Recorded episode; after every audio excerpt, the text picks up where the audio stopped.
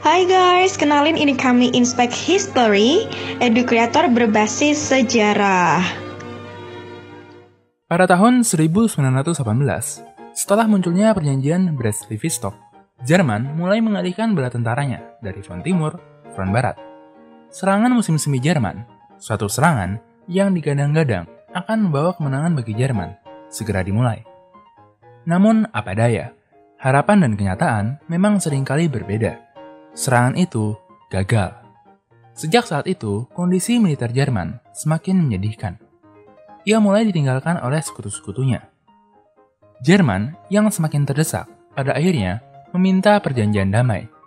Sesuai dengan 14 pasal perdamaian yang terus diajukan oleh Presiden Amerika, Woodrow Wilson. Perdamaian dan bukan menyerah. Perang yang dipromosikan sebagai perang untuk mengakhiri segala peperangan yang bahkan sampai dibikin filmnya, di Wonder Woman, pada akhirnya memang berakhir. Berakhirnya perang ini tentu bukan karena kemunculan si Wonder Woman ya guys. Itu cuma film toh. Masalahnya, bagaimana mengatur agar perang seperti ini tidak akan muncul lagi? Perjanjian damai seperti apa yang harus dibuat demi mencapai dunia yang lebih damai? Untuk menjawabnya, perwakilan dari berbagai negara di dunia bertemu di Prancis untuk membahasnya khususnya mengenai nasib negara Jerman yang dianggap sebagai antagonis utama dalam perang tersebut. Yang lucunya, sebenarnya bukan karena Jerman yang ngelakuin, tapi gara-gara Jerman adalah negara sentral yang paling kuat dari semuanya. Namun, usaha untuk mencapai perdamaian justru berakhir dengan perdebatan yang panjang. Seluruh perdebatan yang ada dapat disimpulkan menjadi tiga pendapat utama yang sering kali dikenal sebagai pendapat si tiga besar, yaitu Prancis, Amerika, dan Inggris. Dari antara ketiganya, Prancis adalah negara dengan kehancuran infrastruktur dan kerugian perang yang terbesar. Oleh karenanya, Prancis sangat ingin membalas dendam atas hal itu dan kekalahannya dalam perang sebelumnya. Khususnya dengan meminta kembali wilayah yang dulu dikuasainya, yaitu Alsace-Lorraine.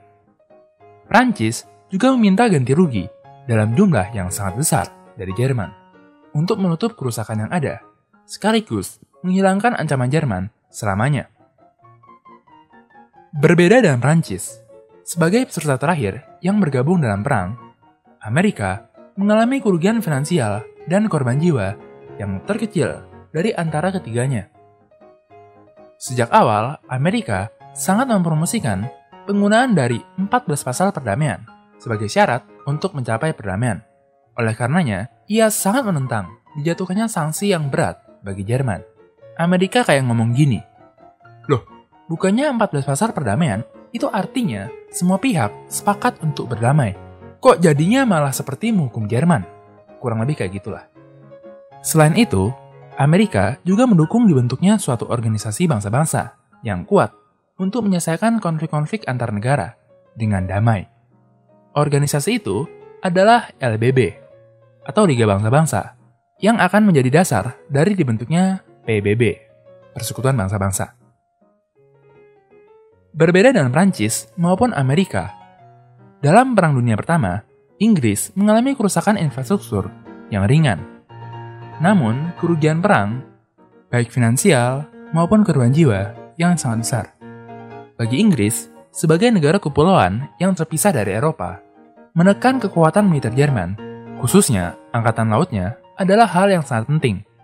Sekalipun demikian, Inggris tidak ingin Jerman terlalu hancur, karena Jerman dan industrinya selalu menjadi rekan dagang yang sangat penting bagi perekonomian Inggris. Setelah melalui perdebatan yang panjang, sekutu akhirnya mencapai kesepakatan dan menyusun perjanjian yang akan dikenal sebagai Perjanjian Versailles. Delegasi dari Jerman kemudian diundang untuk datang ke Paris. Di hadapan mereka, tertulis berbagai persyaratan yang harus dipenuhi dalam perjanjian tersebut. Melihat daftar persyaratan yang sangat memberatkan, delegasi Jerman sangat kaget dan berusaha untuk bernegosiasi kembali. Mereka merasa negaranya bukan menyerah, melainkan setuju untuk berdamai atas dasar 14 pasal perdamaian dari Presiden Wilson. Namun hal itu ditolak oleh mayoritas pihak sekutu yang merasa Jerman sebagai pihak yang memulai perang dan juga yang kalah hanya dapat menuruti setiap persyaratan yang telah dibuat oleh sekutu. Hal ini akan berpengaruh secara signifikan bagi bangsa Jerman yang merasa bahwa mereka telah dibohongi dan dipaksa untuk mengikuti setiap dikte dari sekutu. Hai, bantu kami dalam memproduksi lebih banyak konten sejarah dengan mengklik tombol subscribe. Dan jangan ragu untuk memberikan saran, komentar, atau pertanyaan. Terima kasih.